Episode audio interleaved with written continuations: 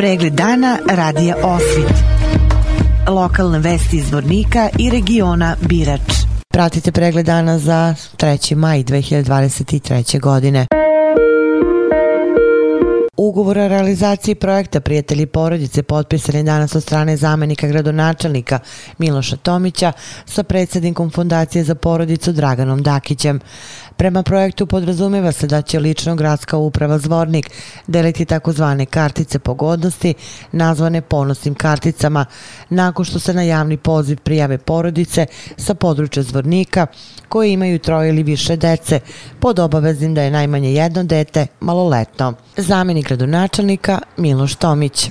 Danas je grad Zvornik zajedno sa Fondacijom za porodicu potpisao sporazum o realizaciji projekta koji se zove podrška porodici.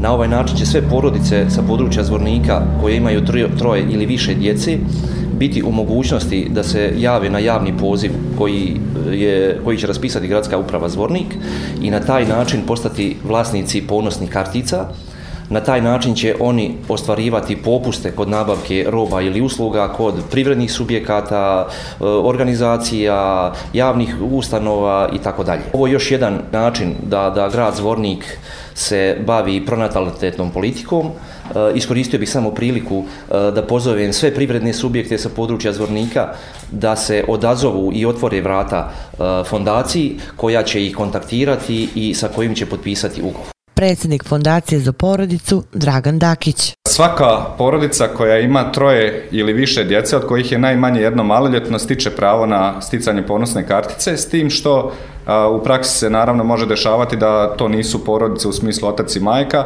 Bitno je da se osoba stara o troje ili više djece, od kojih je najmanje jedno maloljetno. U pravilu se a, ponosne kartice izdaju i glase na majku, zato što su majke nosioci najvećeg recimo tereta i tih slatkih muka u vezi podizanja višečnih porodica. Ponosna majka na koju glasi ponosna kartica prilikom obavljanja kupovine roba i usluga dužna je da se identifikuje e, ponosnom karticom i na zahtjev e, prodavca da e, pokaže ličnu kartu, odnosno da se na nju odnosi. Ono što negdje u nekim lokalnim zajednicama na početku znalo da stvori zabunu da li se popust odnosi samo na majku. Ne, popust se odnosi na cijelu porodicu. Ovo je projekat podršci višečlanih porodica, tako da recimo ako imamo nekog zubara iz lokalne zajednice, koji se uključio u projekat, naravno da se popust odnosi i na muža i na djecu, a ne samo na majku.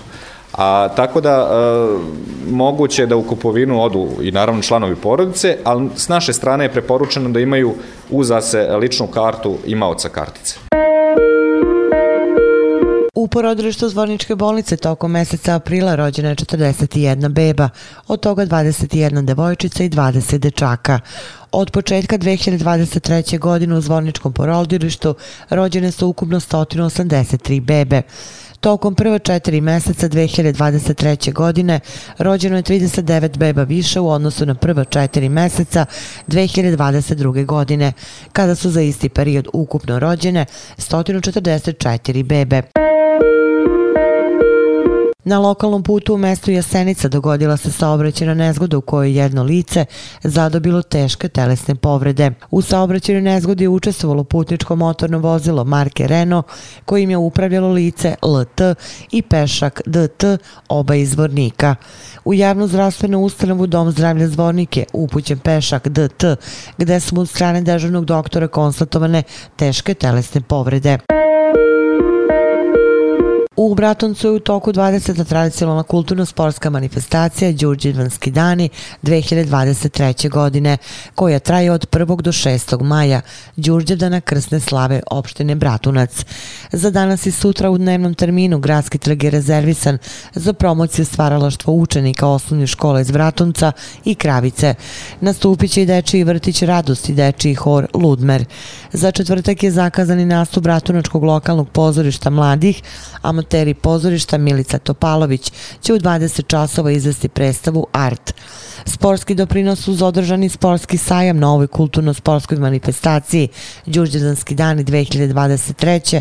daće ljubitelji ribolova. Petak, 5. maj po tradiciji je rezervisan za takmičenje sportskih ribolovaca na Drini.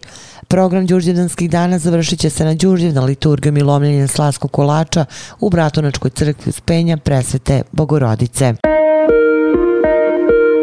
Vesti iz Loznice. Više od 30 godina radnog staža i 54 godine života su brojevi kojima se svaki čovek može ponositi, posebno ako se kroz život snalazi kako zna i ume, ne bežeći pritom od poslova kojima se redko ko može baviti. Predrag Kostadinović, koga njegovi leščičani i svi koji ga poznaju zovu kratko Cokin, po zanimanju elektromonter mreže i postrojenja. Opširnije na sajtu lozničke novosti.com. Pratili ste pregled dana za 3. maj 2023. godine. Hvala na pažnji. Pregled dana radija Osvit. Lokalne vesti iz Vornika i regiona Birač.